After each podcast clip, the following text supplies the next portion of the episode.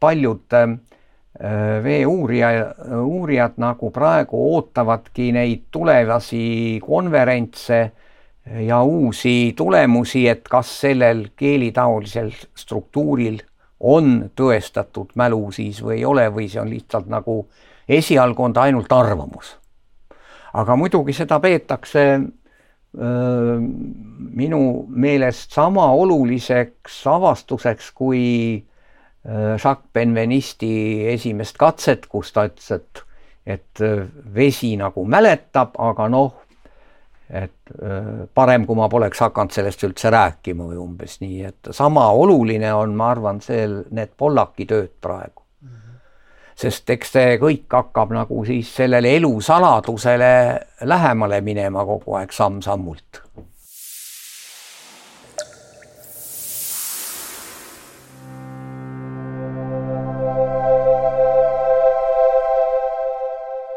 alustab äh, Vee sõnumid saate teine osa ja täna olen siis äh, tulnud TTÜ-sse külla Rein Munterile, kes on siis äh, TTÜ emeriitprofessor, keemiainsener ja, ja arutleme siis täna valdavalt kahest suurest teemast, millest siis esimene on veemälu ja teine teema on vee neljas faas. ja mõtlesin, et juhatan selle saate sisse sellise lausega, mis ma kuulsin siis äh, Gerard Pollaki TED Talki, TED loengu alguses, et ma tõlkisin selle eesti keelde, et ta ütles seal, et paljudel inimestel on teadmine, et kõik, mida on võimalik teada veest, on juba teada. et see on nii lihtne molekul. aga kas see on nii? Eh, ilmselt ei ole jah, sellepärast et Ähm, valem on lihtne ja valemit teavad, teab ka iga koolipoiss ja veemoolmassi.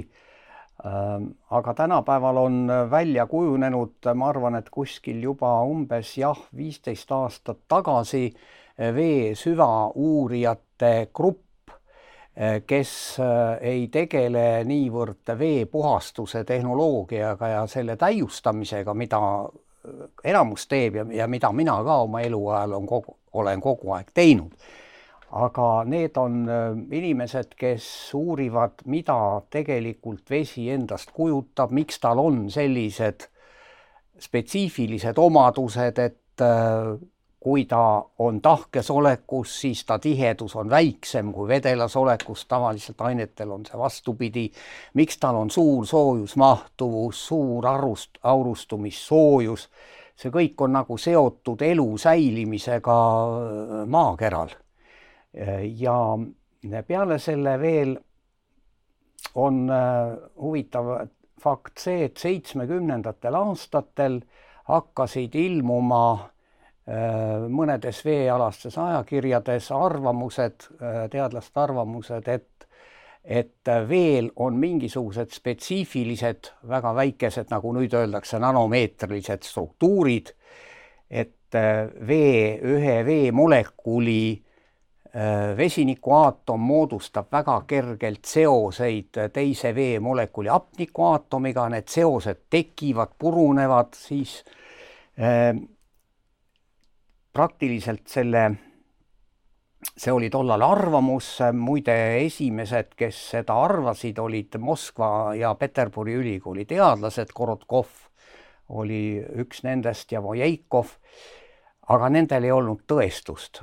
hiljem kaheksakümnendatel jõuti selleni välja, et kasutades täpsemaid instrumentaalanalüüsi meetodeid, juba ka pildistati neid struktuure, noh ja kõige, üks kõige tuntum on siin äh, Ken Jordani Ameerika äh, professori poolt äh, paljudes ajakirjades avaldatud äh, fotopilt siis veemolekulist, kus osalevad, tähendab mitte enam juba molekulist, vaid klastrist, suuremast struktuurist, kus on kakskümmend veemolekuli, et H2O kakskümmend korda nagu. Äh, ja üldiselt on äh, tänapäeval leitud ja tõestatud, mitte äh, lihtsalt arvatud, vaid ka tõestatud eksperimentaalselt, et äh,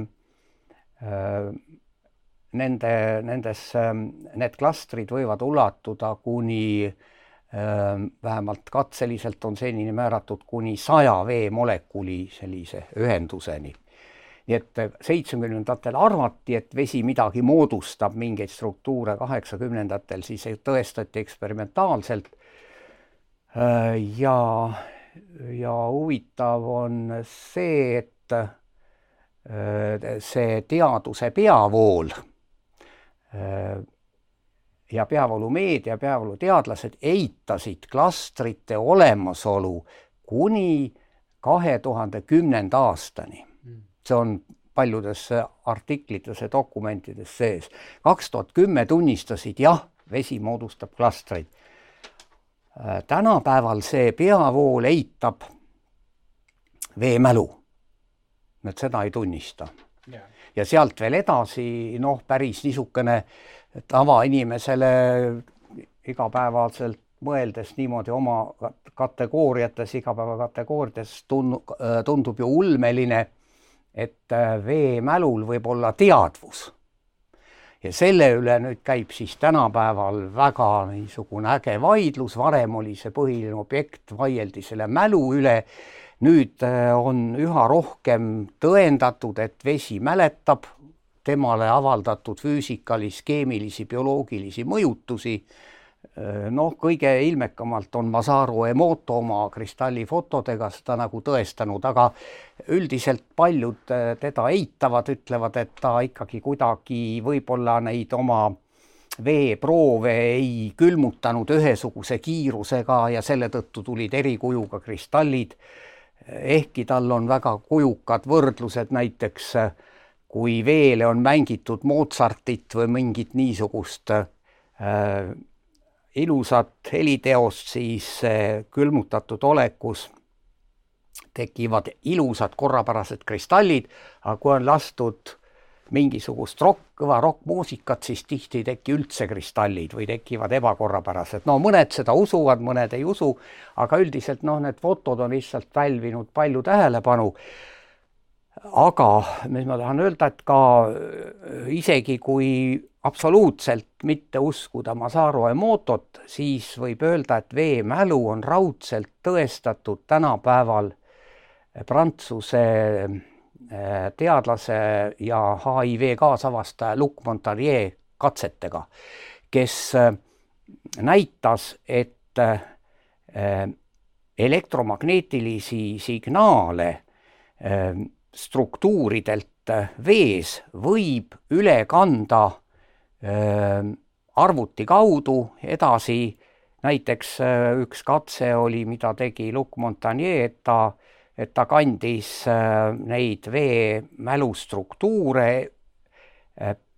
see oli, see oli, vabandust, mitte Luc Montagnier praegu, vaid see oli Jacques Benveniste, kes tegi selle katse et Pariisi, enne surma veel mõned aastad, Pariisi digibiolaborist kandis ta üle Mm, neid veemälu struktuure Inglismaale Cavendish'i lab laboratooriumisse mm, Cambridge'i ülikoolis ja seal osales siis terve grupp väljapaistvaid teadlasi, kõigepealt ka Inglise kuningliku seltsi esimees siis oli seal Brian Josephson, tuntud kvantfüüsik ja nii edasi, nii et on täiesti tõestatud, kui isegi kui mitte uskuda neid Masaru Emoto fotosid, siis äh, on hoopis äh, paremini, täpsemalt kaasaegse instrumentaalanalüüsi võtetega on see veemälu olemasolu tõestatud, sellele vaatamata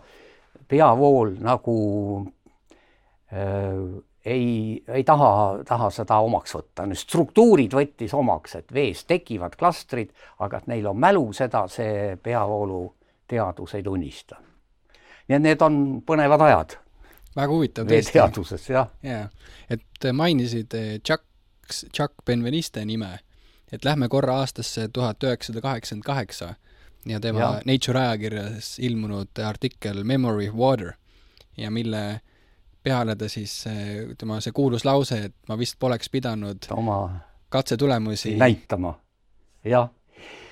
Benveniste oli tõesti esimene, kes selle veemälu nii-öelda teadusavalikkuse ette tõi ja nagu öeldakse, et ta ei olnud tollal ise mingisugune niisugune kõrvalvooluteadlane, vaid öeldakse, et ta oli täiesti peavooluteadlane igas mõttes, aga lihtsalt ta sai niivõrd omapärased tulemused, mida ta ise ka ei uskunud ja teadusavalikkus ei uskunud ammugi aga nüüd ma läheks veel tagasi korraks, hüppaks aastasse tuhat üheksasada viiskümmend kuus.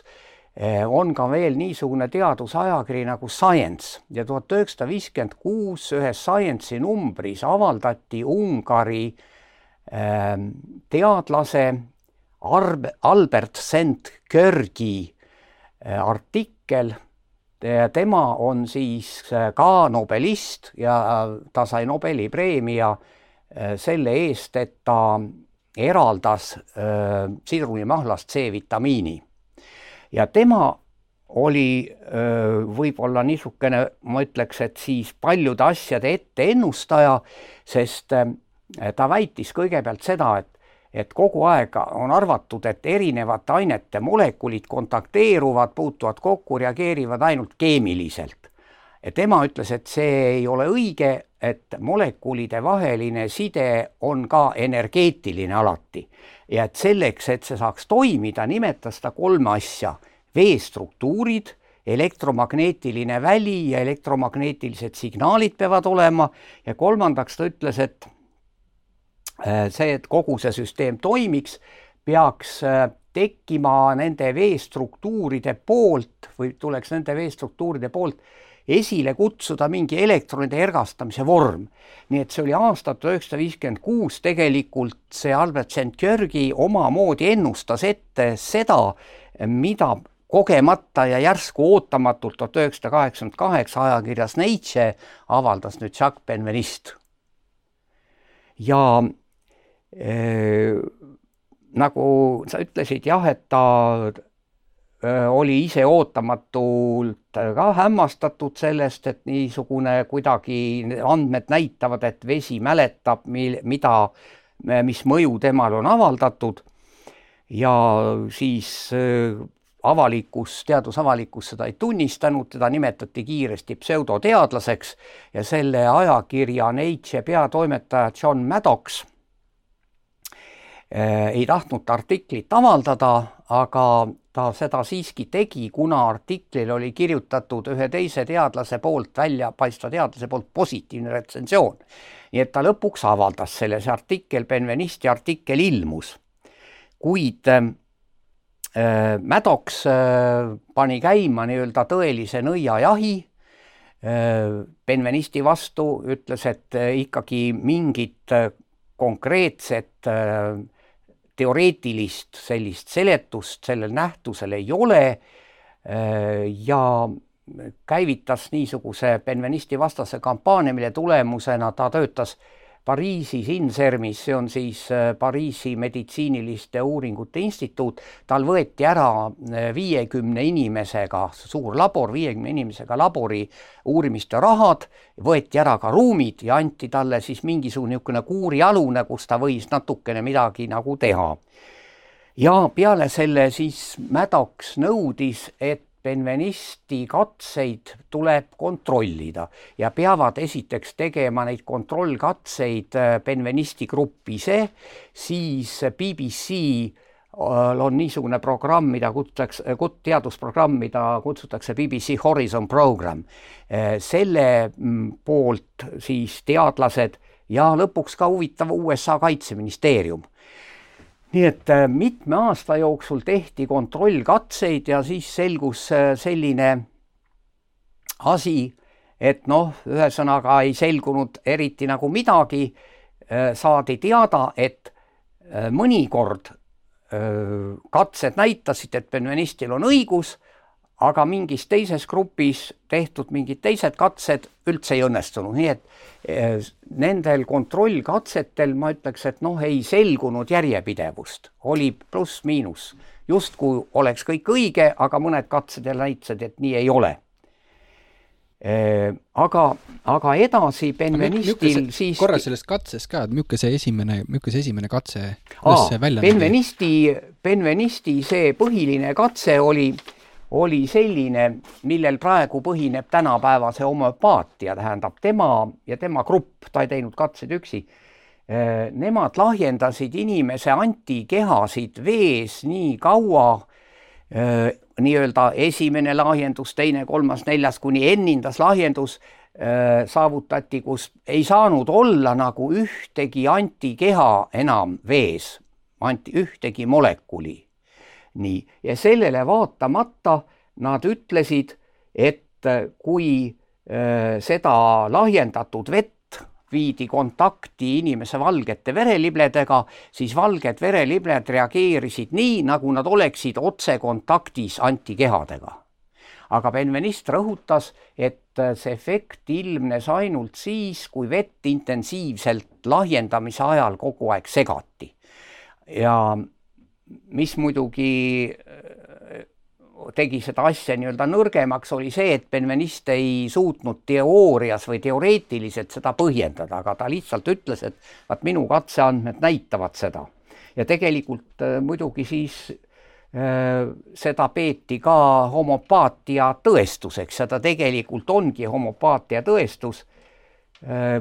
ja seda nii-öelda lahjenduskatset mul on see siin kirjas, kontrollis kahe tuhande esimesel aastal äh, Belfasti, Iirimaa äh, Queen, Queen'i ülikooli, Queen'i University bioloog Madeline Ennis, kes oli täiesti skeptik, sada protsenti skeptik Benvenisti katsete suhtes ja tema äh, tegi selle lahjenduskatse histamiini lahustega. histamiini lahu, histamiin on lämmastikühend, millel on väga tugev niisugune reaktsioon valgetele verelibledele, nii et ta kordas täpselt Benvenisti katseid, ainult siis mitte nende antikehade, vaid ta lahjendas histamiini, võttis need ülilahja, ülilahjad lahused ja sai täpselt samad tulemused mm. -hmm. aga peale selle oli veel, mul pole praegu see momendil siin kuskil kirjas, oli ühe katse tegi veel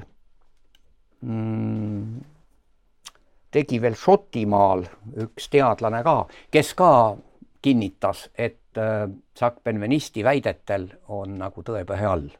kas põhimõtteliselt, kui ma õigesti nüüd aru sain, et ta siis lahustas seda vett, vaata, ma mäletan videost ühest, mis ma vaatasin ka, kus ta rääkis, et miljard, miljard korda ja, ja kui nad siis uuesti äh, ühend-, seda ainet sinna siis tagasi tutvustasid sellele veele, siis veel, et seda, neid molekule enam seal ei olnud aga kuidagi vesi mäletas ja,. jah, jah, ja neid, seda on hiljem ka äh,, hiljem ka tõestatud äh, veel vaat seesama tuntud professor Luc Montagnier, kes kahjuks äh, lahkus meie hulgast sellel aastal, kaheksandal veebruaril mhm. kaks tuhat kakskümmend kaks. Ma lihtsalt lugesin jah, et ta oli ootamatult surnud, kas südamehaigusse midagi oli. Tema tegi ju palju katseid ja ta isegi, Luc Montagnier tegi niisuguse huvitava katse, et kasutades lasermeetodit, ta tekitas 3D pildi DNA-st eh, ja tegeles haigete lastega, kes olid autistid või siis eh, kannatasid AIDSi, olid AIDSi, AIDSi haiged. ja siis ta selle lasertehnikaga võetud 3D pildi Äh, nagu salvestas vees ja, ja saat-, saatis seda edasi ja taastas seda uuesti, ühesõnaga äh, see oli kõige viimane saavutus, mida, mida Luc Montagnier tegi, enne seda ta kordas täpselt Benvenisti niisugust põhimõttelist katset. Benvenist jah, algul tegi see lahjenduskatse, aga pärast Benvenist pani ka vette vaskspiraali vaskspiraal oli tal ühendatud võimendiga, võimendist oli side arvutisse ja Benvenisti viimased katsed olid just, kus ta, kus ta tõestas, et veemälu on võimalik salvestada kandjale, elektronkandjale, teda võib edastada kuskile maailma teise otsa ja, ja selle tõttu Benveniste äh, ei olnud huvitatud sellest homopaatia küljest, sest tema katse, lahjenduskatse seda tõestas, et homopaatia on võimalik, aga Benvenisti huvitas rohkem nende äh, ütleme, aktiivsete, bioloogiliselt aktiivsete molekulide signaalide ülekanne mm. -hmm ühest laborist teise või ühest riigist teise ja, ja tema, seda ta tõestas korduvalt. peale selle Luc Montagnier äh, kasutas selles mõttes nüüd äh, Benvenisti katsete viimast varianti, et äh, ma lugesin seda, et Benvenist oma viimased katsed, see oli siis aastal tuhat, ma vaatan siit täp-, täpsemalt, ta oli jah, tuhat, tähendab, tal võeti algul kõik äh, võimalused ära, aga pärast Benvenist siiski tõusis nagu jalule. Ja see oli aastal tuhat üheksasada üheksakümmend üheksa, kui Benvenist kandis elektrooniliselt üle äh, Pariisi digitaalse biolaborist veemälu tähendab need nanostruktuurid Inglismaale Cavendish'i laboris, Cavendish'i laborisse ja kaks tuhat üks oli tal juba täisatom-, automatiseeritud labor, kus äh, siis katseid tegid juba väikesed robotid, sest Benvenisti süüdistati pidevalt äh, ütleme nii, või väga sageli petturluses, et ta kuidagi midagi võltsib ja sompsib seal ise. aga kui siis vaatajatele oli katse nii korraldatud, et Benvenist sinna näppupidi üldse ligi läinud, noh siis oli kõigil selge, et seal, seal mingisugust pettust ei saa olla mm. -hmm. et nii, nii veemälu on tänapäevaks jah, mina ütleks mitmekümnet labori poolt maailmas äh, kindlasti äh, noh, täiesti kindlaks tehtud ja selle üle nagu ei saaks vaielda mm. -hmm. väga huvitav kuidas sellest lausest aru saada, et Benveniste on kahekümnenda sajandi Galilei? Äh, jaa, vaat see, see on väga tore või väga õige küsimus. see viib nagu minu meelest äh, sellise probleemi juurde nagu kehtiv paradigma, sest Gali-, Galileoks teda jah, äh, nimelt see oli nüüd eelmine vist veekonverents kaks aastat on ära jäänud ja sel aasta sügisel Saksamaal Bad Sodenis peaks see konverents selle toimuma.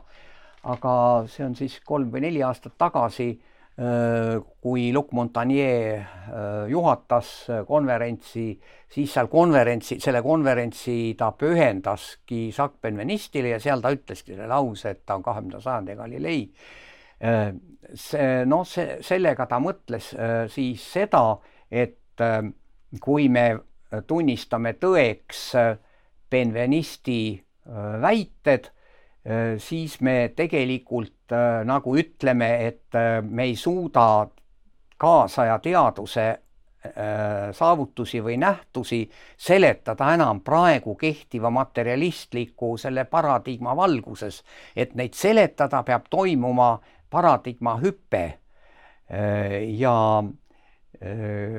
sisuliselt on seesama, mida Galileo ütles, Galileo ütles ju niimoodi, et et mitte Maa ei ole planetaarse süsteemi keskel ja kõik planeedid tiirlevad tema ümber, vaid vastupidi, et seal keskel on Päike.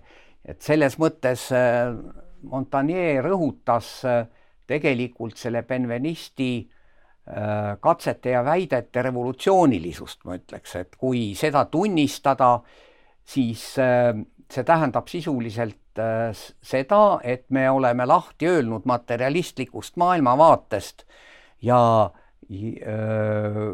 ja ütleme, et on veel midagi, nii nagu Rupert Sheldrake ütleb, et et materialismi kõige valusam punkt on teadvus. et kui me ütleme, et kõik on mehaaniline, materialistlik, aga ometi teadvus on olemas, ka materialistid ütlevad seda või nagu tunnistavad, aga nad ei oska seda seletada, et et tegelikult see viib nüüd äh, nagu teadvuseni ja sealt edasi juba siis selliste küsimustena juurde nagu kas on olnud, kui see suur pauk oli kolmteist koma kaheksa miljardit aastat tagasi, et kas selle taga on looja, kas see on Jumal või kuidas me seda kutsuks, nii et selles mõttes jah, Luc Montagnier ütles seda ilmselt rõhutades selle Benvenisti katsete tohutut sellist pöördelist tähtsust vee uurimisel ja noh, ma arvan, et järgnevad aastad, aastakümned peavad näitama, kuidas see lõpuks kõik välja kujuneb. sest teadvuse, mina olen selle üle ka nüüd üsna palju mõelnud, lugedes Seldraki raamatuid ja ja pean ütlema, et noh, ka koolis ja ülikoolis materjalistliku kasvatuse õpetuse saanuna on mul paljusid asju praegu raske nagu omaks võtta. Nii et ja peale selle ma ei ole ka filosoof, vaid inseneriharidusega, nii et, et ma jään nagu põneva, põnevile ootama, mida minust targemad inimesed äh, lõpuks äh, põhjendavad ja välja toovad, sest äh, nii palju, kui ma nüüd olen jälginud seoses veemäluga ja teadvusega neid igasuguseid artikleid, siis ega seal ühist seisukohta ei ole, seal käib väga suurtes piirides see vaidlus, on see materialistlik seisukoht, siis on minu mälestamist mööda üks selline ütleme, religioosne lähenemine, äh, kes otseselt tunnistab Jumalat ja siis on kolmas, on panpsühhistlik lähenemine mm, -hmm. mis äh, minu arvates on Sheldrake'i oma, et ühesõnaga see läheb täielikult universumi peale juba välja, ütleb uni-, universum, ka universumil on teadvus. aga noh, näiteks tunnetada kõike seda on suhteliselt, minul vähemalt küll on suhteliselt raske, näiteks veeteadvuse kohta ma isegi vist kuskil seda kirjutasin, ma sõnastaks niisuguse küsimuse. inimese peaajus on üheksakümmend protsenti vett, öeldakse, mitmel pool öeldud, organismis keskmiselt inimesel on seitsekümmend protsenti, aga peaajus on üheksakümmend. nii, ja nüüd veel on teadvus ja sedasama praegu eriti rõhutab, kui me nüüd läheme uuesti selle Gerard Pollaki juurde, siis et ta ütleb, et see vesi, mis on peaajus, see ja tähendab, ta on, see vesi on ühenduses DNA-ga ja proteiinidega, tähendab, meie rakuvesi on kõik üldiselt inimorganismis geelitaoline ja siis tekib see küsimus, et et kui me nüüd tunnistame, et veel on teadvus, nagu paljud teadlased arvavad, siis tekib see küsimus, et kas meie teadvus on meie peas oleva vee teadvus või on kaks teadvust, meie peas oleva vee teadvus ja meie ajus olevate nööronitega seotud teadvus. aga ma ei oska ise sellele vastata. aga kui me vastaks küsimusele, et kas veel on teadvus kõigepealt selle vana paradigma järgi ja siis, siis selle uue. Ja vastata võib nii filosoofi või, kui keemiainsenerina, et, et kas veel on teadvus? no mina ütleks niimoodi, et äh, selle vana paradigma järgi seda ei saa olla.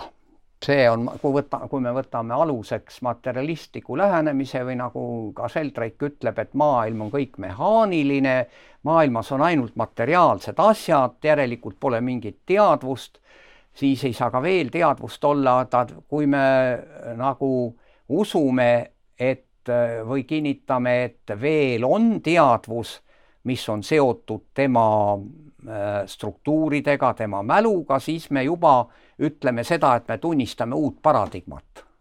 minu meelest siin ei saa enam muud moodi asjale läheneda ja on ju muide üks tuntud filosoof Toomas Kuhn, kes on äh, Äh, kirjeldanud ka neid hüppelisi nähtusi, mis teaduses toimub ja tema on alati rääkinud oma töödes igal pool, et teadus ei arene ühtlaselt ja sujuvalt niimoodi kogu aeg edasi ja kasvades, vaid ta areneb hüpetega ja hüpped tekivadki sellest, et teadlased teevad mingeid eksperimente, saavad järsku tulemused, mida nad ei oska seletada kehtiva paradigma valgusel. täpselt nagu praegugi on, et ütleme, tehti eksperimendid, uuriti ja veel on struktuurid, pildistati, kõik okei okay,, aga nüüd justkui leiti, et need veestruktuurid ka salvestavad midagi ja see tähendab, et nagu veel on mälu. ja noh, edasi siis ei osata nagu sellest olukorrast välja minna, tähendab, tekib revolutsiooni, nagu Kuhn ütleb, tekib revolutsiooniline situatsioon. Vana paradigma valguses ei suudeta äh, eksperimendi tulemusi selgitada piisavalt, siis toimubki kuuni järgi mingi aja jooksul paratamatult paradigma muutus, mille põhjal neid katsetulemusi selgitatakse või saadakse siis nendest aru ja teatud aeg kestab kõik see nii, aga siis ükskord ka see paradigma võib jälle muutuda, nii et no see on tema teooria.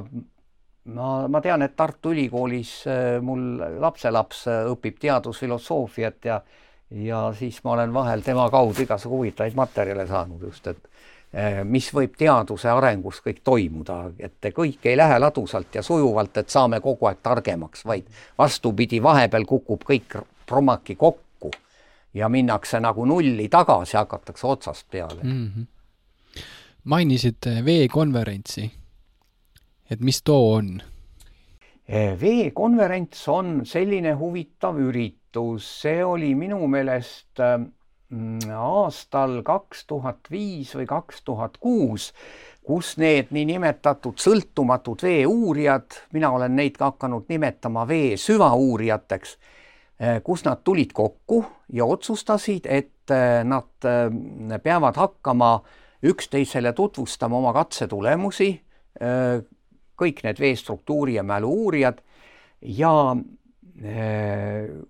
esimene konverents siis nende süvauurijate konverents, veekonverents korraldati Sofias, Bulgaarias. pärast oli neid konverentse sealsamas veel hiljem läksid nad nagu rohkem Saksamaa peale üle ja viimased kolm-neli konverentsi, mis on olnud, on kõik seal Saksamaal Bad Sodenis olnud. enne seda vist oli üks ka Šveitsis ja seal on nüüd osalejate arv olnud minu meelest esimestel konverentsidel oli kuskil sada, sada viiskümmend inimest ja nüüd minu hinnangul ma olen vaadanud nende konverentside videomaterjale, need on äh, internetis kõigile saadavad.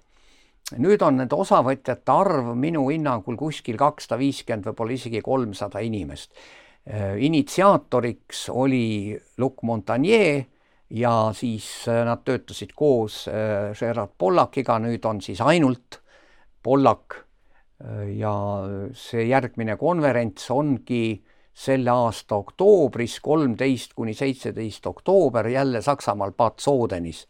ja mm, konverentsi materjalid on internetis sellel aadressil www Water Conference on Physics, Chemistry and Biology ja sinna saab vabalt juurde ja konverentsi ettekanded on siis esitatud äh, videovormis ja alati on juures ka lühikene sõnaline abstract.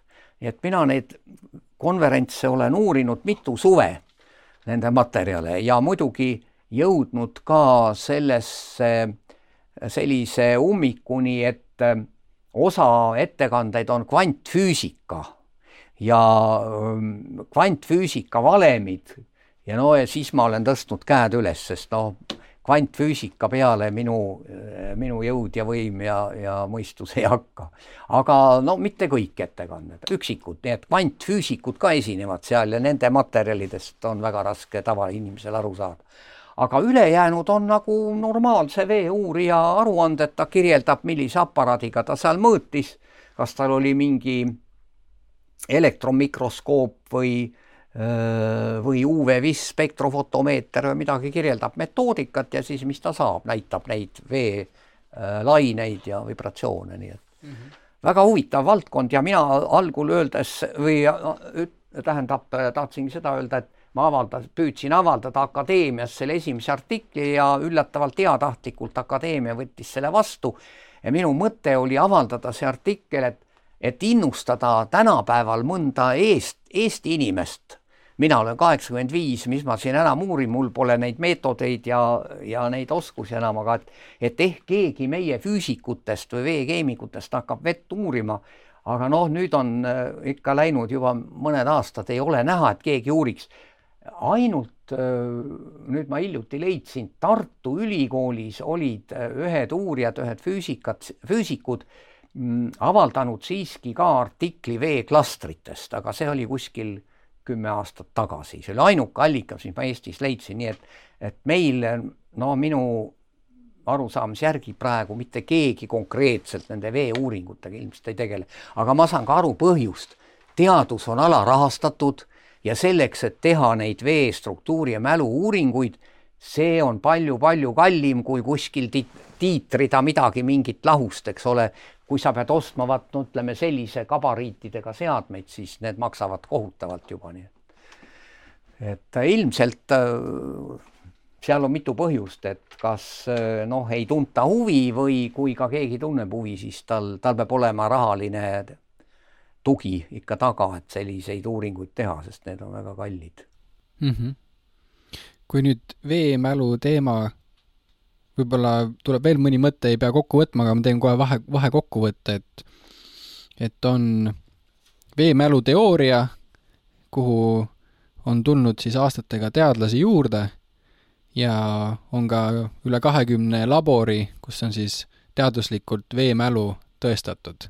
jaa, kindlasti, paar-kolmkümmend võib-olla, neid on raske täpselt üles lugeda, aga aga kui jälgida neid videokonverentse, sealt on näha, eks ole, mis laborites neid asju teinud on, nii et see uurimisgruppide arv kasvab pidevalt, kes vee, vee välismaal, kes veega tegelevad, nii et et kui võtta seal kas või keskmiselt mingi viis inimest seal uurimisgrupiks, siis kindlasti tuleb mitukümmend, paar-kolmkümmend uurimisgruppi, kes seda katseliselt on ka kontrollinud ja teinud, aga osa on ka neid, kes võtavad selle veemälu noh, nii-öelda a priori nagu aluseks, et see on ja siis tegelevad selle veemälu teadvusega juba edasi, aga see no nagu see teadvuse asi on väga raske ja väga keeruline, et selle üle väga palju vaieldakse, see, selle kohta ei saa kaugeltki öelda, et see oleks mingit kinnitust leidnud, see on, see on ainult puht spekulatsioon mm. -hmm.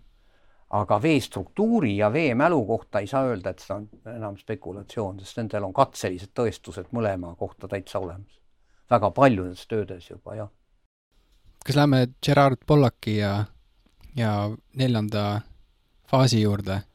et siin on see sama lause, millega ma saate sisse juhatasin, et mida Gerard Pollack siis ühe selle teedloengu alguses eh, sisse juhatas oma loengu, et et paljudel inimestel on teadmine, et see kõik, et kõik, mida on võimalik teada veest, on juba teada, see on nii lihtne molekul, ja siis ta ütleb, et aga et on veel nii palju, mida me ei tea. ja seal ta küsis sellise küsimuse, et kas me oleme kindlad, et vesi on H2O.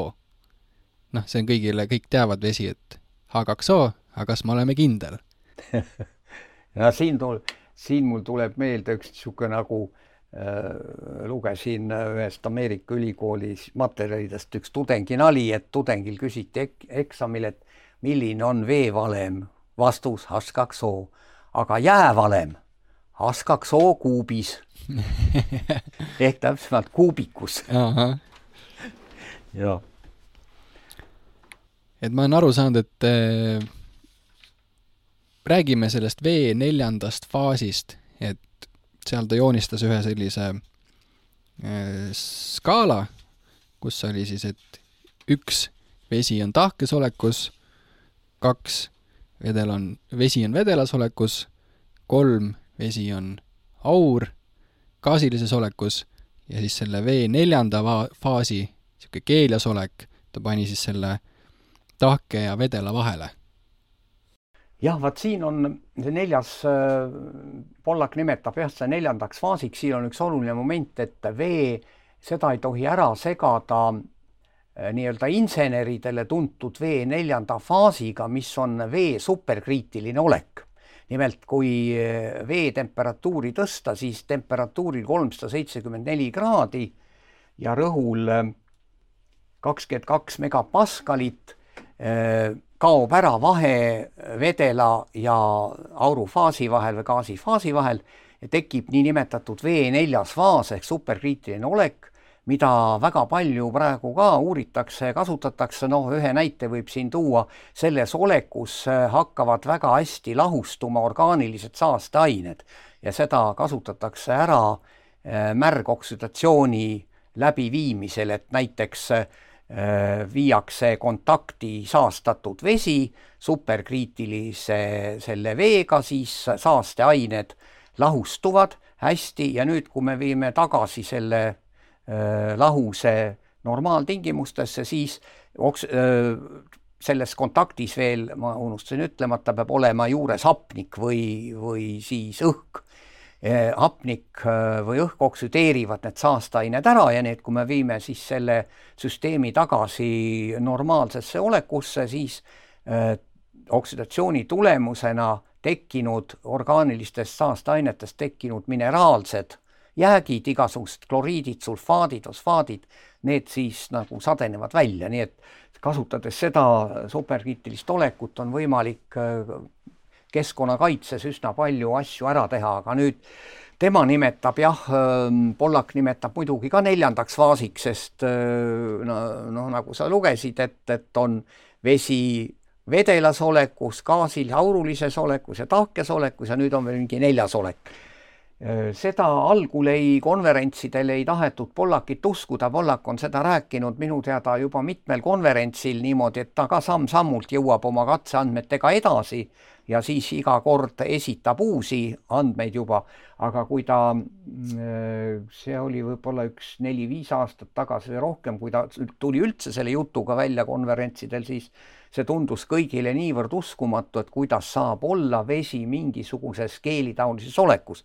aga siis ta näitas sellist pilti, et kui meil on näiteks voolav vesi, tavaline voolav vesi nagu kraanist tuleb ja kui see vesi äh, juhtida üle hüdrofiilse pinna, siis tekib selle hüdrofiilse pinna peal äh, spetsiifiline veekelme ja on näha fotolt kohe, et selle kell, see kelme on teistsuguse struktuuriga kui vabalt liik-, vabalt liikuv veevool, et näiteks kui meil on üks pind on üleval, teine all, siis alumisel pinnal tekib see kelme, ülemisel pinnal tekib see kelme hüdrofiilsel materjalil ja see keskel on see keeri selline vabalt liikuva vee struktuur, veevool.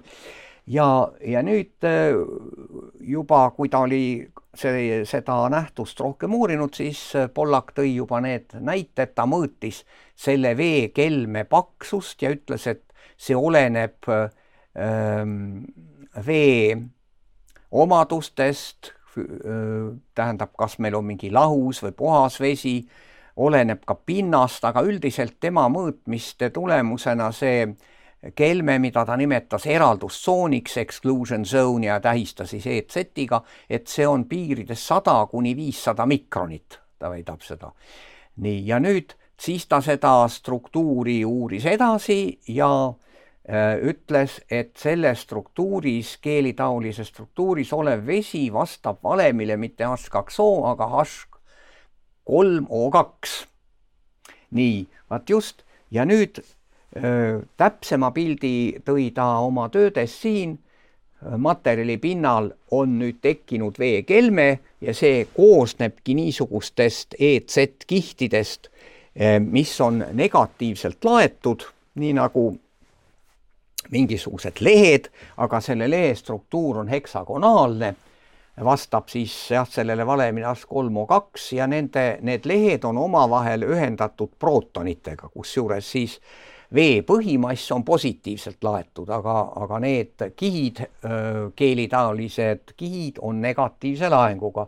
ja siis ta ka ühel konverentsil ütles, et et me kõik arvame, et me oleme inimesed siis neutraalsed, et see on vale, me oleme kõik negatiivselt laetud ja põhjendas siis seda selle vee, oi, vabandust, selle vee ehitusega ja mis on veel huvitav, ta mõõtis ka pinget sellel ähm, eralduskihil, exclusion zone'il ja ütles, et tema mõõtmiste järgi selle kihi pinge on kuskil äh, paarisaja millivoldi piirides üles või alla natukene.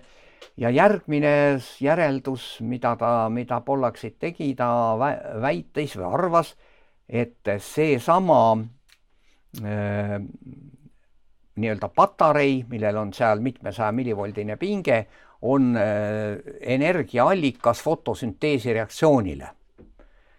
nii et äh, selles mõttes äh, see on üsna, üsna olulise tähtsusega avastus ja, ja veel huvitavam oli see, ta tõi ka neid pilte, kus ta näitas siis, et kuna DNA ja proteiinid ja kõik need on hüdrofiilsed materjalid, siis vesi tekib ka nende pinnal.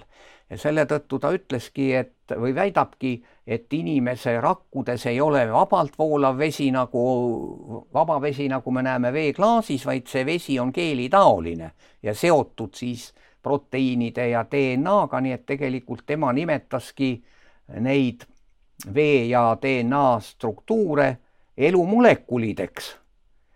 ja, ja ütleski, et tegelikult inimesed on kõik kõndivad või liikuvad biosüsteemid või biomolekulid. -hmm. aga mida nüüd ta siis edasi avastab, seda, seda võib, ma loodan, tulevikus äh, näha äh, mis on nüüd siin väga oluline, ennem me rääkisime pikalt erinevate uurijate puhul veemälust, vaat tema käest ka küsiti ühel konverentsil, et kas sellel keelitaolisel struktuuril, mida te siin demonstreerisite, kas sellel on mälu? Ja siis ta ütles, et kuna see struktuur meenutab temale äh, niisugust struktuuri, nagu on arvuti mäluplaadid, selline kärgstruktuur, siis ta oli ta arvamus, et peaks olema mälu, aga senini noh, tal nagu tõestust toodud ei ole, nii et paljud äh, veeuurija, uurijad nagu praegu ootavadki neid tulevasi konverentse ja uusi tulemusi, et kas sellel keelitaolisel struktuuril on tõestatud mälu siis või ei ole või see on lihtsalt nagu esialgu on ta ainult arvamus. aga muidugi seda peetakse minu meelest sama oluliseks avastuseks kui Jacques Benvenisti esimest katset, kus ta ütles, et, et vesi nagu mäletab, aga noh, et parem, kui ma poleks hakanud sellest üldse rääkima või umbes nii, et sama oluline on, ma arvan, see, need Pollaki tööd praegu sest eks see kõik hakkab nagu siis sellele elusaladusele lähemale minema kogu aeg samm-sammult. kui me räägime juba DNA-st, DNA struktuurides, minu meelest tuhat üheksasada viiskümmend kolm Crick ja Watson Oxfordis avastasid ju selle DNA kaksikspiraali ja väitsid, et äh, see, see sisaldab vett nii et vaatame, ei oska nagu praegu rohkem nüüd, kui ma teen niisuguse seda kommenteerida. vahekokkuvõtte, et, et kuidas ma aru sain, et, et veel on siis, tekib selline eraldustsoon äh, sinna hüdrofiilse ja siis selle vee põhimassi vahele, mis mm -hmm. on mhm. siis ära mõõdetud mm. -hmm. ja, ja siis see veetsoon ei ole, see, mis sinna tekib, siis see eraldustsoon inglise keeles exclusion zone water et tema ei ole siis see klassikaline H2O, mida me koolis teame, vaid et ta on H3O2. jah, nii et üks on see põhi, veevool või juga, tavaline H2O, aga juba pinna peal ei ole enam see vesi, vaid pinna peal on hoopis mingi teine kiht mm. -hmm. et tal, fotod on tal väga head ja illustratiivsed minu meelest äh, Pollakil. Teine... teda muide kutsutakse teflon professoriks ah,. kust see tuleb vot seda ma ei tea, kas on ta niivõrd eh, noh, ilmselt niivõrd järjekindel või, või püsiv oma arvamustes või ma lugesin just ühest artiklist, et ta oli, tudengid olid selle nime talle pannud, teflon professor mm. -hmm. et üks huvitav asi, mis tuli veel välja sealt Gerard Pollaki TED Talkist, et et siin on pilt ka, et kuidas valgus mõjutab siis seda eraldustsooni. et siin ta ütles, et valgus siis expands ehk siis laiendab seda eraldustsooni. ja, ja, ja, ja huvitav oli see, kuidas ta siis ütles, et äh, et vesi on nagu patarei, mis on siis laetud, mis, mida laeb valgus ja et see on siis kingitus päikeselt. -hmm. ja muide, tema ta on väitnud äh, ka seda, et äh, selline struktuur, sellise struktuuriga vesi tekib inimorganismis ka üha rohkem, kui me päivitame. Ja sama, samuti ütleb ta seda, et see struktuur tekib ka infrapunase kiirguse toimel, järelikult ka saunas struktureeritud vesi. Samal ajal on, on ka, ma olen lugenud, et taimed pidid ise ka tootma või tekitama selle H3O2 struktuuriga vett, kusjuures siis äh, põllumajanduses on viidud läbi katsed selle sellise nagu veega, väidetakse, et kuni kolmkümmend protsenti kasvab saagikus, kui, kui kasta sellise veega. Ja, ja mida veel on Pollak öelnud, et äh, näiteks allikavesi on praktiliselt kõik selle struktuuriga H3O2, aga osaliselt seda on ka jõgede ja järvede vees ja äh, ei ole praegu ka täpselt jah, selge, et kui palju ja mis tingimustes teda nagu tekib. arvatakse, et on olemas, mõned insenerid arvavad, et sellist vett saab ka tekitada igasuguste vortex süsteemidega, aga no ma ei oska seda praegu rohkem kommenteerida, sest äh, on varem olnud ka neid asju, öeldakse, et inimene võib ise valmistada endale struktureeritud vett. no mõned veefirmad väidavad seda, müüvad, müüvad erinevaid aparaate, kus äh, vett saab panna keeristena liikuma siin on raske öelda, kas on siin tõde taga või on siin lihtsalt mingisugused ärihuvid või äh, selle, selle kohta nagu minu meelest praegu lõplikku selgust ei ole. aga niisugused äh, reklaamid käivad läbi, et äh, valmistame ise struktureeritud vee ehk siis selle H3O2 struktuuriga, nii et et see struktureeritud vesi, mis siis ka... see on see heksagonaalne jah, nagu mesilaskärg. H3O2, et ja. see, et, et ka allikad on siis nagu valdavad sellise struktuurse ja. vee, kuusnurkse. struktuuriga, jah, seda, seda on Pollak väitnud mm, -hmm. et allikavesi on praktiliselt kõik sellise struktuuriga, aga vihmavesi võib, nagu ta ütleb, osaliselt olla, osaliselt mitte. Ja minu meelest praegu ma vaatasin veel neid Pollaki töid, viimasel ajal on ta läinud üle huvitavate asjade juurde veel, mis on atmosfääris. ta nagu uurib seda, äikese tähendab, milline on vee struktuur, mis tekib, kui atmosfääris tekib äike. Ja, ja seal ta on nagu ka avastanud seda, seda H3O2 struktuuriga vett äikese lahenduse toimel mm.. nii et noh, see on ka tegelikult jah, energia ju sisseviimine. aga see... pidi atmosfääriga praegu palju tegema. selle äikesega Olla. tuli mulle meelde, et äh, üks niisugune raamat on äh, ühest äh, indiaani mehest, äh, kelle nimi oli Rolling Thunder, ehk siis niisugune rull, rulluv äike on ta nimi ja mm -hmm. Tema, tal on niisugune väike video, kus ta räägib, et kui ta oli väike poiss, et kust ta oma nime sai. et ta mm -hmm. oli väike poiss siis, kui alati, kui välku lõi, et siis ta jooksis õue, et ta oli laps, kellele siis meeldis väga äike ja siis ta seal tantsis selle äikse käes. ja siis ta seal videos ütleb, et, et äh, et, et tasuta rohi, et kõige tugevama väega vesi on see, et kui lööb äikest ja sajab vihma, et siis võtke potid ja pannid ja minge koguge seda vihma ja jooge seda vett, mis äikse ajal lööb. et see on selline tervendav vesi, et lihtsalt torkas pähe selline.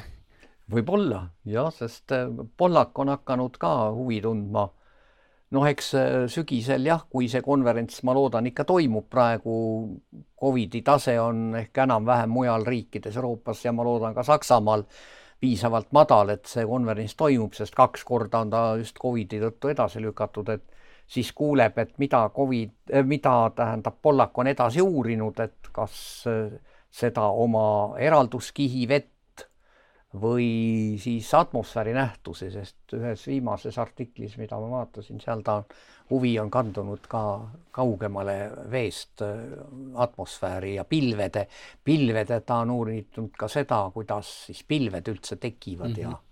et kuidas see on seotud omavahel, vesi ja pilvede teke ja, ja äike ja nii edasi. nii et väga palju on uurida jah, tegelikult väga palju mulle meeldib see Rupert Sheldrake'i väide, et me teame meid ümbritsevast keskkonnast ja, ja üldse laiemalt mõttes universumist ainult neli protsenti. üheksakümmend kuus protsenti sellest nähtustest, mõjuvatest jõududest ja kõik, mis tegelikult leiavad aset meid ümbritsevas keskkonnas ja universumis veel laiemalt, me ei tea üldse mitte midagi. et see mind pani hästi, hästi sügavalt asja üle järgi mõtlema, et meie teadmised piirduvad nelja protsendiga. tähendab, et ma ei tea, me suurt midagi ei tea tegelikult. nii vist on, jah omamoodi kurb, aga nähtavasti paratamatu asi mm. -hmm jah, seal selle Gerald Pollaki loengu lõpus ta tõi veel näited, et kuidas seda vee neljandat faasi või seda easy water eraldustsooni vett, et kuidas seda võiks kasutada ka siis äh, tehnoloogiliselt. ja siin on üks see pilt, kus ta rääkis, et kuidas sellest on võimalik siis joogivett äh, luua et see on huvitav omadus, et see easy water, mis siis tekib selle vee põhimassi ja siis selle hüdrofiilse materjali vahele, et see lükkab selle mm -hmm. reostunud eh, vee, reostunud molekulid, osakesed siis sinna vee põhimassi ja siis see eraldustsooni vesi jääb ja puhtana. ja vot see on, see on väga oluline, oluline nähtus tänapäeval, kus meil on väga, väga palju erinevat kas vähe või palju reostunud vett. täpselt. ja huvitav katse oli veel, kus ta siin on need rakud mm. -hmm. noh, ta siin rakud on täidetud selle veega. nagu fotosüntees. ja veel hästi huvitav katse oli siis see, kus pandi siis, oli suur veeanum ja siis sinna alla pandi selline õõnestoru ja kui sellele siis valgust peale näidati, siis äh, seal torus hakkas vesi liikuma. ja jäi siis äh, sinna päevadeks liikuma. et kust tuleb see liikumine? nojah, ta valguse mõjul mm -hmm. hakkaski need, tekkisid need kihid. jah. ja fotod on väga ilmekad tõestused selles mõttes, et oleks nagu vot kui me veemälu saaks ka kuidagi niimoodi pildistada, siis, siis äh, oleks uskujaid palju rohkem. aga vee, veemälu, see on jah niimoodi, et seda sa ei pildista ja see on ainult niimoodi kaudselt siis kuidagi tõestatav äh,. nii nagu siin praegu noh, nendes uurimisgruppides tehakse, aga äh, eraldustsooni vett on väga hästi näha fotodelt jah et see oli huvitav, kuidas ta siis ütles, et, äh, et energiat ei saa kuidagi veest nagu eraldada. et ta seal veel joonistas selle valemi, et E võrdub H2O, et mm. -hmm. Mm -hmm. nojah, umbes nii nagu jah, see tuntud Einsteini valem, E on mc ruut mm. -hmm. ja nii, et äh, vesi on ja jääb üheks väga, väga oluliseks aineks Äh, paratamatult ka edasi, kas me teame tast rohkem või vähem, aga äh, aga kindlasti jah, nagu öeldakse, et tal on elutähtis olemus, see on äh, jah, raudselt selge. kui nüüd võib-olla saate lõpus natuke mõelda veel, eile tegin teie tütrega saate ja siis ta mainis, et te olete ka neid, ütleme, Eesti veeteemasid ka uurinud, et võib-olla natuke peatuda Eesti veeteemadel, et põhjavesi või me veel seal rääkisime mm, veest Aafrikas ka, see vist oli küll saateväliselt, et äh, et ka neil on seal palju põhjavett, aga neil ei ole seda teadmist, et seda või et mis on see probleem, miks nad seda põhjavett seal ei kasuta, et et mul on siin plaanis ka järgmistes saadetes Eesti, ütleme, põhjaveest ja ja ütleme, veesaastest ja kõikidest sellistest teemadest ka rääkida. aga võib-olla mingid esimesed mõtted, mis teile pähe tekivad? no põhjaveega ma olen natukene kokku puutunud tehnoloogilisest aspektist, ühesõnaga no põhjaveel on sageli palju ebameeldivaid lisandeid. nii Eestis on piirkondlikult põhjavesi reostunud tuntumad äh, reostajad on ju meil kuskil siin Põhja-Eestis veel nii palju mitte, aga Kesk- ja Lõuna-Eestis on näiteks raudmangaan on põhjavees ja kui seda vett kaevust võtta ja kui ta õhuga rohkem kokku puutub, siis tekib juba kohe kiiresti seal hüdroksiidide sade, pruun sade ja seda vett ei saa pesu pesemiseks kasutada, juua on ebameeldiv ja nii edasi. On ka väga spetsiifilisi saasteaineid, näiteks olenevalt sellest, kui sügavad on puurkaevud, võib olla väga palju kloriide vees või kohati meil ka Pärnu piirkonnas, Audru ja sealkandis on palju fluoriidi, F, mis hakkab kahjustama hambaid, noh, väikeses koguses öeldakse, et hambapastades fluoriid võib olla tugevda hambavaapaga, kui kontsentratsioon on juba seal üle pooleteise milligrammi liitris, viis, kuus ja rohkem, Audrus, ma mäletan, oli kuus-seitse milligrammi liitris ja elanikel olid hambad pruunid. siis peab seda vett hakkama kuidagi puhastama, pöördosmoosiga näiteks tänapäeval seda tehakse membraan, membraantehnikaga. ja ka samamoodi on noh, erinevad äh, tehnoloogiad. Äh, raua eraldamiseks põhimõte ongi niimoodi, et me peame siis seda vett oksüdeerima, et raua ja rauda ja mangea, mangaani kätte saada ja hüdroksiidide sade me peame kuidagi eraldama, nii et siin on erinevad äh, siis tehnikad, kuidas seda vett kiiresti õhuga küllastada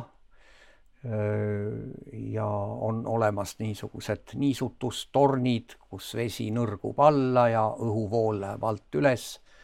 On olemas üks Ameerika tehnoloogia, mida nimetatakse GDT tehnoloogiaks, kus põhjavesi tuleb suure survega tüüsist läbi ja imeb ise selle õhu sisse ja siis separaatoris, tsentrifugaalseparaatoris vees on ka veel lahustunud ebameeldivad gaasid, sageli väävelvesinik, näiteks metaan ja, ja teised, siis need eralduvad, mitte kõik, aga suur osa selles separaatoris ja vesi läheb siis nagu, nagu filtrite peale. aga noh, üldiselt, kui meil Eestis rääkida praegu, alustada sellest mitte tehnoloogiast, aga ütleme üldisest seisundist, sest siis meil Eestis on ähm, ju olemas kolmkümmend üks põhjavee kogumit, Keskkonnaamet ja Keskkonnaministeerium niimoodi jagas piirkondlikult selle kogu Eesti territooriumi ära ja mis on huvitav, ma vaatasin siin mõni aasta tagasi, kui oli see Kaplinna veekriis, vaatasin neid veekriisi materjale, siis äh, selline asutus nagu Water Resources Institute, WRI, väitis, et aastal kaks tuhat nelikümmend on võimalik mingi lokaalne veekriis ka Eestis, mis tundus väga imelik, sest äh, sellist tõsist veekriisi, veepuudust on ennustanud seesama asutus, Veevarude Instituut äh, Lähis-Idas, ütleme Aafrika, siis Jordaania Araabia Ühendemiraadid ja kõik see, see piirkond sinna rohkem, et meil ei tohiks seda probleemi olla aga mõtlema paneb see fakt, et paar suve tagasi oli näiteks Poolas teataval määral juba veekriis, sest lihtsalt sademeid oli niivõrd vähe, et sadu jõgesid kuivasid ära. ja meil on noh, natukene Eestis, äh, ma olen tähele pannud siin Keskkonnaameti andmeid, et ähm, äh, lööb ka natukene läbi seda joont, et me kasutame liiga palju vett äh, põhiliselt just suvel kastmiseks noh, Viimsis näiteks ma olen mitu korda seda lugenud ja kuulnud, et äh, kastetakse nii palju, et kuupmeetri ööpäevas äh, see kasutatud tarbevee hulk on üsna lähedane sellele maksimaalsele lubatud kuupmeetrite arvule ööpäevas. ja veel, veel oli ühes Keskkonnaameti dokumendis midagi, mul ei ole päris täpselt meeles, üks paik oli veel kuskil Võrumaal ja kokku oli mingi neli-viis kohta mainitud Eestis, kus põhjavee äh, kohalike kogumitega peab olema ettevaatlik, et inimeste veetarve hakkab lähenema selle maksimaalsele lubatule, nii et ma ei usu, et meil Eestis tekib niisugust kriisi, nagu noh, seal oli Kaplinnas või, või kuskil mingis Aafrika riigis aga äh, aastakümnete jooksul võib niimoodi niisuguseid lokaalseid kriise ilmselt tekkida küll, kui majandus areneb ja, ja inimesed tarbivad vett üsna nii noh, kontrollimatult. nii et ega siin väga, väga ei julge ütelda, et meil see veekriis on absoluutselt võimatu. Aga muidugi eeskätt ohustab ikkagi neid maid, kus on väga kuum ja kuiv ja huvitav on see, et on hakatud välja pakkuma drastilisi lahendusi veekriisile nimelt äh, Californias ma olin seal kahe tuhande üheksandal aastal neli kuud. Ma seda veejaama ei külastanud, tollal ma ei teadnud, et ta seal on olemas, aga hiljem ma kuulsin. on olemas äh, Californias aastast äh, kaks tuhat viisteist veejaam, mille tehnoloogia võib nimetada lühidalt inglise keeles from toilet to tap ehk ühesõnaga reovesi puhastatakse joogivee tasemeni ära. Ja lugesin veel ka seda hiljuti, et Texases on äh, samad äh, veekriisi probleemid. Ja Texases El Paso linnas tehti äh, mõned aastad tagasi küsitlus elanike hulgas, et kas te veekriisi tingimustes oleksite nõus jooma joogivee kvaliteedi tasemeni puhastatud reovett, kommunaalreovett ja kaheksakümmend neli protsenti elanikest vastas jah. Äh, ja no nüüd on teada, et Californias üks niisugune jaam lausa, lausa töötab. siin muidugi jääb äh, psühholoogiline barjäär.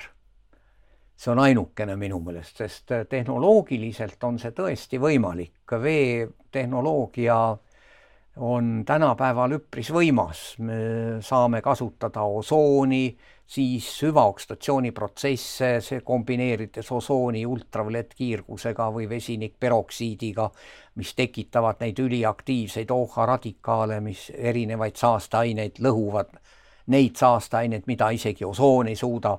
Siis on olemas äh, aktiivsüsi, mis kõrvaldab ka erinevaid ravimijääke, parandab vee maitset ja lõhna. On olemas mikrofiltratsioonprotsessid ja nii, et äh, tegelikult äh, on võimalik jah, vesi viia joogivee kvaliteedini, ainult et see jääb, inimesele on see, tuleb ületada see psühholoogiline barjäär, et sisuliselt ma joon nii-öelda tualetivett.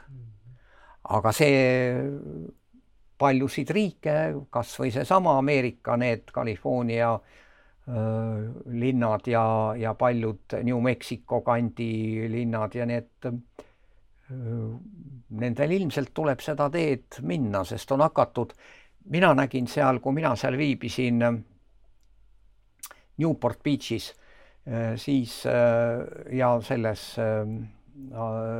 Irvine'i ülikoolis, kus meil töötab ka meie see politoloog, kes Tartu Ülikoolis ka peab loenguid, eestlane mul on äh, ei tule praegu keele peal ka pa,. isegi Aro Velmet ei, ei ole? kandideeris isegi presidendiks. ei tule, ei tule. okei okay., no vot ja, ja siis äh, mul oli võimalus vaadata neid veejaamu, kus äh, reovesi, tähendab kommunaalreovesi puhastatakse osaliselt, mitte joogiks, aga puhastatakse niisutusveeks kasutades kahte protsessi, üks on mikrofiltratsioon, mis võtab siis eh, erinevad sellised tahked osakesed välja eh, ja osoon lagundab, eh, oksüdeerib erinevaid kahjulikke orgaanilisi ühendeid. ja siis selle, selle veega mm, niisutatakse põldusid. et see, see on seal täiesti praegu rakendusel, aga siis alles hiljem ma kuulsin, et nendel on päris selline jaam, mis annab ka joogivett mm. -hmm. jah, ma arvan, et see veekriis on miski, millest me sellel sajandil kuuleme üha rohkem ja rohkem. ja lihtsalt, et mul noh, kindlasti tuleb see eraldi saate teemana, et veekriis Eestis, ma mäletan, ma eelmise aasta juuli lõpus lugesin ERR-ist ühte artiklit, mis pani, muutis silmad suureks, oli, mul ei ole selle TTÜ teadlase nimi enam meeles, ta on mul siin kirjas, et temaga saade kindlasti teha, aga ta mainis seal siis, rääkis Tallinna veest. ja ütles, et äh, Tallinna veel on siis veel kaks varureservuaari, kuhu on äh, vist oli aastal kaks tuhat kuusteist on korra niiviisi juba olnud, et on sinna varudesse mindud. ja tema äh, seal artiklis siis mainis või ütles sellist asja, et et kui meil on umbes kolm-neli aastat selline põuane suvi järjest, nagu no, oli nagu Poolas oli ja, ja nagu oli Kaplinnas. mitu aastat ei tule vihma. jah ja., et siis ta ütles, et, et siis on täitsa võimalik see, et, et ei ole võimalik ka Tallinnat joota. joota täpselt. ja, ütlesid, et mingit varuplaani hetkel ei ole, et kunagi Vene ajal olevat olnud üks plaan, et Männiku karjäärist jaa, seda tean ja Männiku karjäärist võtta. ja teine plaan oli, et Peipsi järvest äh, tuua see veetoru. see oli veel, kui meil tipis töötas professor Harald Velner niimoodi, siis äh, Velner tegeles ka sellega ja siis oli see variant ja aga muidugi on ju veel üks variant, on see, et osaliselt no me peame siis pumpama rohkem põhjavett.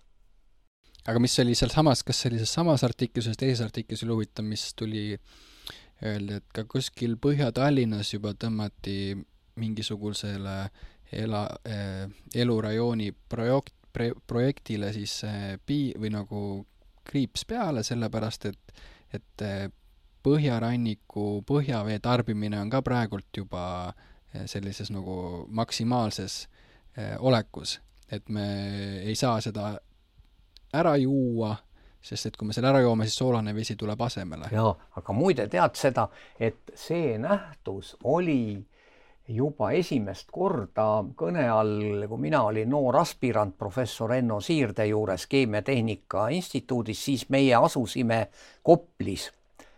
no selle peahoone lähedal seal ja siis oli juba, see oli kuue, need olid kuuekümnendad aastad, kas kuuskümmend üks, kaks või midagi nii, mina olin siis aspirantuuri astumas just kuuekümne teisel aastal. et Koplis tekkis juba see depressioonilehter kasutati niivõrd palju, tõmmati põhjavett, et merevesi tungis sisse. see oli juba kuuekümnendatel kogeti seda, et seda ei saa niimoodi vee, mereäärsetes piirkondades väga noh, nii-öelda lihtsameelselt teha, et noh, pumpame ka välja, pumpame ka välja, siis pärast on jood merevett mm. -hmm. merevee sissetung on jah, depressiooni selle elektri kaudu. nii et on, need on väga olulised küsimused jah mõtlesin, et äh, eelmises saates juba tegin seda, küsin iga saate lõpus külaliselt sellise küsimuse, et et kui veel oleks meile midagi öelda, siis mis ta ütleks? Ja võib vastata ükskõik mis nurga alt, keemiainseneri või filosoofina, et et mis, kui veel oleks midagi öelda, jah, mis ta ütleks? ma pean natukene mõtlema, mis ta mis ta võiks ütelda jah, sest me ju räägime veest kui elavast äh, ainest.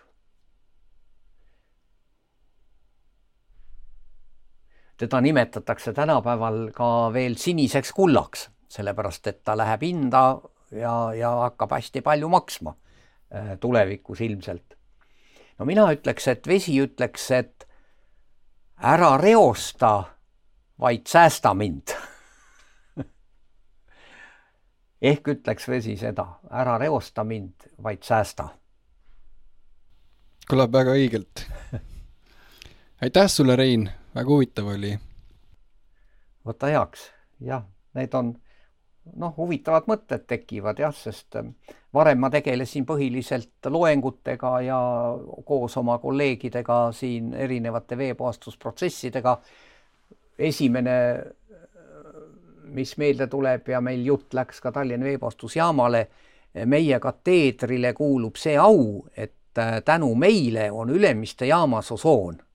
seda sa tead või kui ei tea, vaat sellest raamatust saad lugeda okay..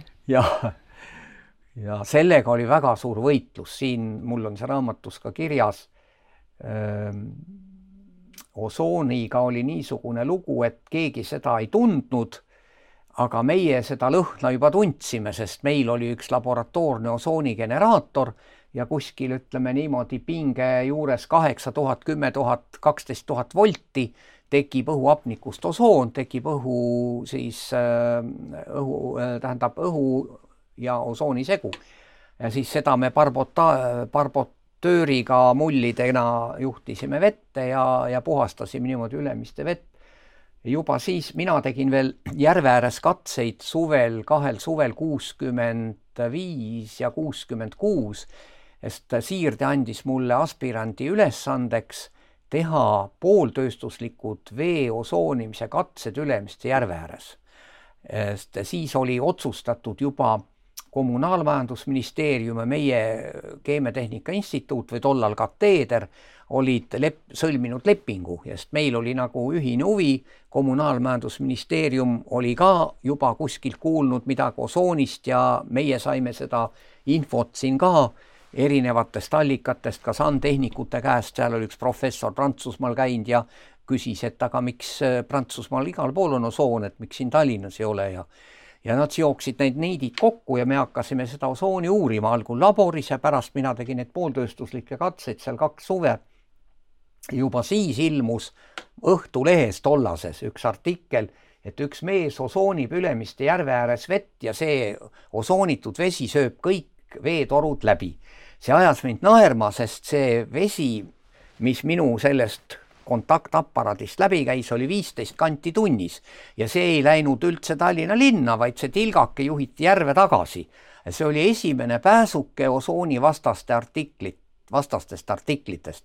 hiljem, kui meil juba jõudis osooni projekt nii kaugele, selle, meil oli ka osoonikomisjon, selle eesotsas oli nüüd hiljuti lahkunud Rein Ratas, siis kuulus sinna veepostusjaama juhataja kahjuks ka lahkunute hulgas Johannes Sutt siis oli linnaametnikke seal ja mina selles komisjonis me neid asju ajasime, siis tegime ka lepingu Prantsuse firmaga Trelligaas, ostsime sealt osoonigeneraatorid ja need praeguseni, need kaks tükki ilusti seal töötavad. aga enne, kui siis see käiku läks, see osoon, siis tuli artikleid igalt poolt, Soomest kirjutati anonüümne artikkel, nüüd, nüüd ma tean selle mehe nime ka, see on üks veeteadlane tema kirjutas niimoodi, et Tallinna Ülemiste järve vesi ole üldse osoonitav, kui seda osoonida, tekivad mürgid vees, ei tohi üldse osoonida. siis meil igasugused ajakirjanikud kirjutasid, osoon on palju hullem mürk kui kloor. täiesti lollus, absoluutselt vastupidi. mitte osoon pole veele mürk, vaid kloor on veele mürk. siis kirjutati, see pole majanduslikult kasulik siis kirjutati, et kui hakatakse osoonima, siis see osoon läheb veetorustikku, sööb kõik läbi ja äh, nii-öelda osoon krõmpsutab isuga veetoru. lollus, sest osoon laguneb ära selleks ajaks, kui vesi läheb trassi ja ta ei tohigi sinna minna ja nii edasi ja nii edasi, aga kui sa huvi äh, tunned, selles raamatus on see kõik kirjas. Okay.. nii et väga suur vastuseis oli Tallinna linnas ja mitte ainult äh, tavalises, noh, ütleme tavainimeste hulgas, vaid ka paljud veespetsialistid, ka meie oma veespetsialistid erinevates asutustes. ei, ei, osooni pole vaja.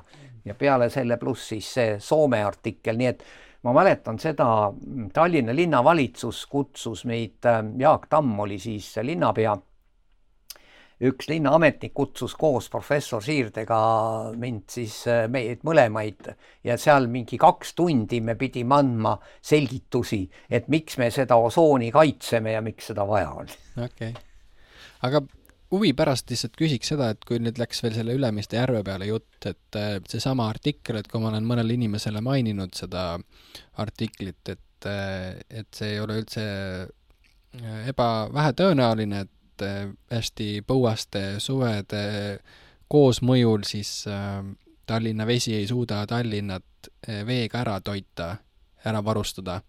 et kust see proble-, probleem seal tuleb, et järv on ju suur ja lai, mõtleb inimene, ja, ja vett on seal palju, aga kas ei jõua siis lihtsalt toota seda, et see on mingi ei, ma arvan, probleem on selles, et vaat meil praegu on Tallinnas ütleme, Ülemiste järve varustavad kaks veehoidlat, Paunküla ja Soodla, aga need omakorda toetuvad, toituvad paljudest allikatest ja, ja jõgedest. Ja kui on kuiv periood, siis lihtsalt nii palju vett aurab ja need aurumiskaod on väga suured ja need allikad võivad seal hakata ära kuivama ja jõed, nii et, et lihtsalt veetase hakkab Paunkülas ja Soodlas alanema ja ei tule enam siia järve vett juurde, siis oligi see üks variant, et kasutada männikukarjääride vett mm. -hmm. ja, ja muidugi lisaks ka peaks kasutama põhjavett siis nii palju kui võimalik, nii et et see on, ma arvan, meil ju analoogne probleem Poolal, et me kasutame nagu Tallinnas ju põhivesi ja Narvas ka, kaks kohta, Narva ja Tallinn on, kus joogiveeallikas on pinnavesi. mujal on Eestis ju igal pool puurkaevuvesi. ja, ja nüüd pinnaveevarud olenevad ju väga palju sademetest kohutavalt, nii et see, sellepärast nad on haavatavad ja kui keskmine temperatuur tõuseb, sest et fossiilsetest kütustest oleme sõltuvuses, siis tõenäosus, et pinnavesi ära aurab, on üpriski, tõenäosus suureneb jah, et nii, et see on jah, ma ei usu Eestis, kas läheb nii, nii hulluks see asi, et noh, et ütleme kaks-kolm-neli aastat on põud. ma usun ennem, et lõunapoolsetes riikides on see tõenäolisem kuskil Kaplin, Aafrika, Hispaania võib-olla seal, Aafrika, Araabia, aga noh, kes ette teab, sest ilmastik on praegu ju, kliimamuutused on ka niivõrd suured, et me ei tea, kuhu suunda see asi pöördub, et ühel pool on, ühes regioonis on tohutud põuad, teises on äh, need tsunamid ja üleujutused ja ühel pool on põud, teisel pool on, on, on nii, et äh, inimesed on hädas sellega, et äh, maja uksest tuleb vesi sisse. veel üks mõte, mis, mis mul tekkis Ülemiste järvega seoses, et äh, veemüüdid ja vee, vesimütoloogiast tuleb ka eraldi saate teemana, aga Ülemiste järve eh, müüt on see, et Ülemiste vanake ujutab eh, siis Tallinna üle. ja kunagi, kui ma uurisin seda teemat, siis, eh, siis on ka ajaloolised mingid kirjutised, kus mingisuguse ilmastikulise või mingisuguse nähtuse tõttu, et kust see müüt tuleb, on et võib juhtuda niiviisi, et Ülemiste hakkabki vett üle ajama ja siis ta jookseb sealt äh, Tartu maanteed vee alla. jah, täpselt et sealt ka see müüt, et kas sul on mingit, on sul, oled sa kuulnud sellest? ei, ma seda müüti nagu tean jah, sest äh, see, seda isegi vanasti koolis, koolides räägiti bioloogiatunnis ja et ähm, äh, Ülemiste vanake käib aeg-ajalt vaatamas ja küsib, kas Tallinna linn on valmis ja ja et kui ta valmis saab, siis äh, see Ülemiste vanak ütleb, siis ma ujutan selle linna üle, aga siis alati tuleb vastata, et linn ei ole veel valmis. ja tegelikult ei saagi üks linn kunagi lõplikult valmis. et see on nagu meil ära hoidnud selle üleujutuse, aga ma olen rääkinud Johannes Sutiga, kes oli kauaaegne veepustusjaama juhataja siin aastakümneid, siis äh, temal on need äh, Ülemiste järve vees on üks suur kivi ju, nad kutsuvad seda, ma ei mäleta, kas isegi lindakivi. jah, lindakivi jah, vanaema rääkis. ja seal on need üks niisugune mõõtlaud, mis, millel on märgitud ka need veenivood. no ja üldiselt on kogu aeg probleem ikkagi selles, et mitte see nivoo Ülemiste järve veenivoo ei näita mingisuguseid ülespoole tõuse, vaid kogu aeg on, need kriipsud lähevad allapoole aastatega, eks ole, ühesõnaga et see miinimumnivoo sel ajal ja sel ajal. et ma usun, et meil, kui võtta see üleujutuse müüt, et no ei, see ei ole reaalne mm. -hmm.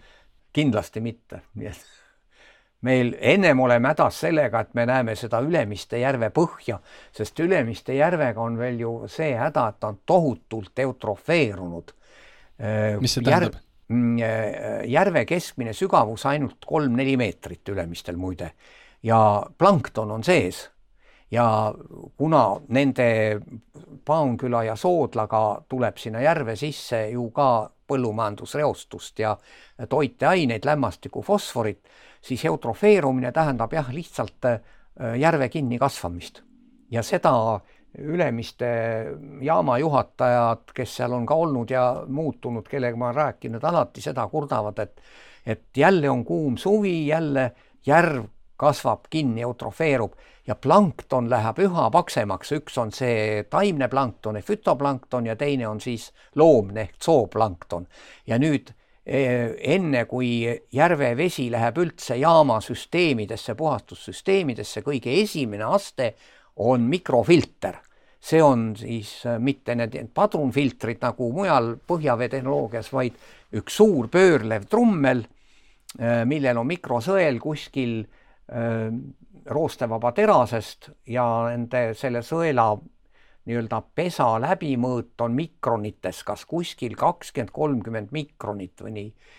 ja nüüd ongi probleem olnud selles, et veel paar aastat tagasi, kui ma seal jaamas käisin, siis juhataja ütles ka seda, et meil on jälle see probleem, et plankton läheb väikseks, tähendab sooja ja fütoplanktoni keskmine läbimõõt on kakskümmend mikronit, aga sõel on, oli neil siis nelikümmend mikronit. siis läheb see plankton läbi ja see väga ähm, tekitab väga suuri raskusi veepuhastusprotsessis pärast. ta ummistab filtreid, siis ei toimu vee selitamine normaalselt ja nii edasi.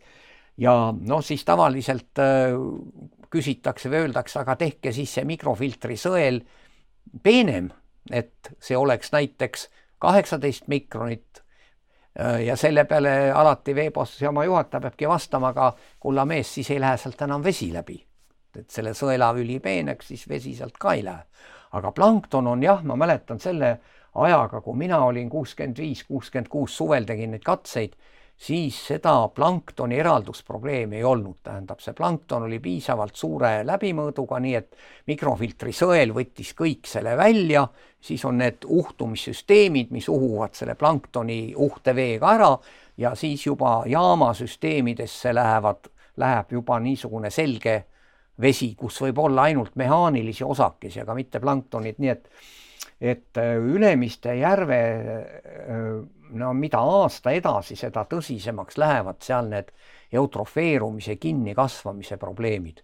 ja seda on püütud ka lahendada, seal on näiteks, ma tean, et on juba kümme-viisteist aastat tagasi püütud tuua sisse spetsiaalseid kalu, mis söövad näiteks sooplanktonit ja siis on natukene öö, leitud, et jah, veidi siis planktoni, äh, sooplanktoni arv on vähenenud, aga, aga siiski noh, otseselt lahendust ei ole, et, et ähm, tuua mingisugused ekskavaatorid ja puhastada see järv mudast ja no see on, seda on isegi ka arutletud, aga see tundub üldiselt ka ulmeline asi, nii et, et järve probleem on kinnikasvamine mm. -hmm. probleeme kui palju? jah ja, ja jaamal on raske töötada, kui tuleb niisugune, ütleme niisugune noh, piltlikult öeldes supp, soe supp tuleb jaama sisse, katsu siis midagi seal puhastada. jah, mul on tunne, et Ülemiste järv vääriks täitsa eraldi saadet, et. jaa, kindlasti, kindlasti. aga hästi, aitäh sulle veel kord no vot ajaks